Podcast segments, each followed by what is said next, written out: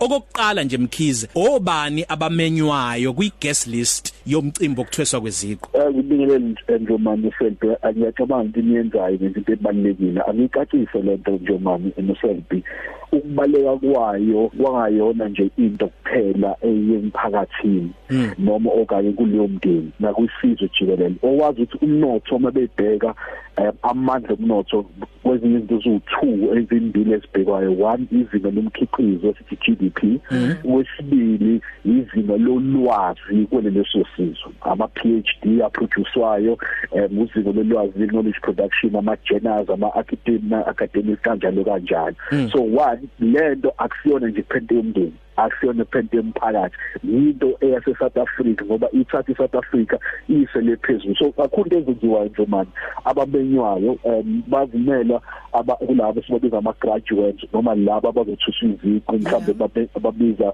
abomndeni isikhathi esiningi kuya ngezikhunguka kuyahluka ngokwezikhungu abanye uthola ukuthi mhlawumbe banikeza abantu abawu3 amathitha awu3 or amathitha awu4 so kuyikhungu ngenhlelo zazo nangespace eholo zazo ibona abasho ukuthi naba abantu abangaka wena wazi ukubamema kodwa kakhulu lo ulo ozothusa isiqu kwesibili nomndeni wakubo noma abantu nabakhetheli bomthekezelo so asikhulume ngokubaleka kwesikhathi ngokusigcina isikhathi sawo ukuthi ekufanele kube umcimbi ube isikhathi esingakanani? Uqala kuphi? Ugcine kuphi umcimbi? Anokubaleka ukuthi ufike khona ngesikhathi.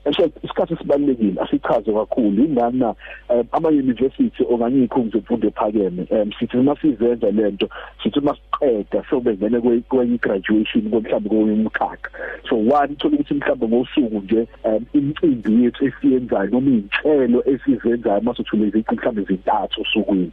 So one ingani na isikhathi sibalekile sibalekile ngenxa yokuthi one kufanele sazi ukuthi sinehlelo sine program esihamba ngayo. But number 2 isikhathi ibaleka ngenxa yokuthi lolu hlelo lolu ihlelo elibalekile nediscipline angichaze into umsebenzi beyond mufunda ezinye zezinto kufakwa lento ekuthiwa discipline ingakho kuthiwa i-discipline within the humanities i-discipline within commerce i-discipline. So one ukubaluleka ukuveza ukuthi manje wena kushuthi asinyathelo uzuwe kwezinye indima usuyongena kwenye indima. So one isikhathi sibalulekile then number 2 kune kuhlelo kunento esibiza nge-procession academic procession. So kunganye la ngena khona izikhunga abafundi labafundisayo ama lectures ethu ungene futhi nalaba abaphathi baba university or sibiza the councils uthina sesambe sihlale phansi.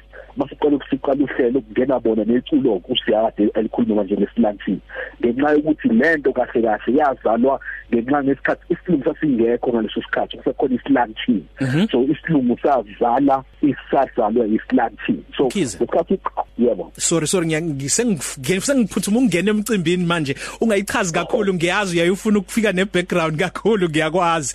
Eh la kwi council noma kulaba abahleli estage obana babalekile liyini iqhaza labo? 1 2 izimpawu noma amathuluzi asetshenziswayo abalekile njengalo nje leli uchancellor alibeka ekhanda laloyo suke ethwesa iziqo osebalekile kakhulu lapha njomani. Ulo kunesitulo esijalo kuba khona esihlala khona.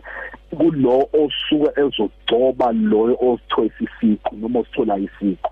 So one kuyathinta lokho ikhungu isikhathi esiningi uvamise ukuba uchancellor simazi njengophi njengomuntu ojala ukuba okuba uba iceremony noma oba isithombe sesikhungu. Ngesikhathi mengekho kuvamise ukuba khulu kubo kubo kubo kubo vice chancellor so yena kakhulu ngesikhathi bangena bonke namagana ababovu nabonke namagana abamnyama futhi mhlawumbe abanama PhD lo balekile lo nje kakhulu osesehleli ngesikhathi ekhuphuka esitebhisini lo oyothosa isiqu noma egcotshwa ima 85 gqokweni ebaleka kakhulu lapha njomani hayi mkhize siyabonga kakhulu mfowethu. Nokuthi nje usichazele ukuthi kubaleke kangakanani esizweni sonke ukuthi kube khona umcimbi walolu hlobo. Kuningi okunye singakutholanga mkhize kodwa sibonge kakhulu ukuthi unikeze thina nomlaleli ekhaya isithombe. Ngiyabonga kakhulu njomani bye let you. Goodbye. Mfweni njalo loyo mfweni ngiyazi Coffee Cafe.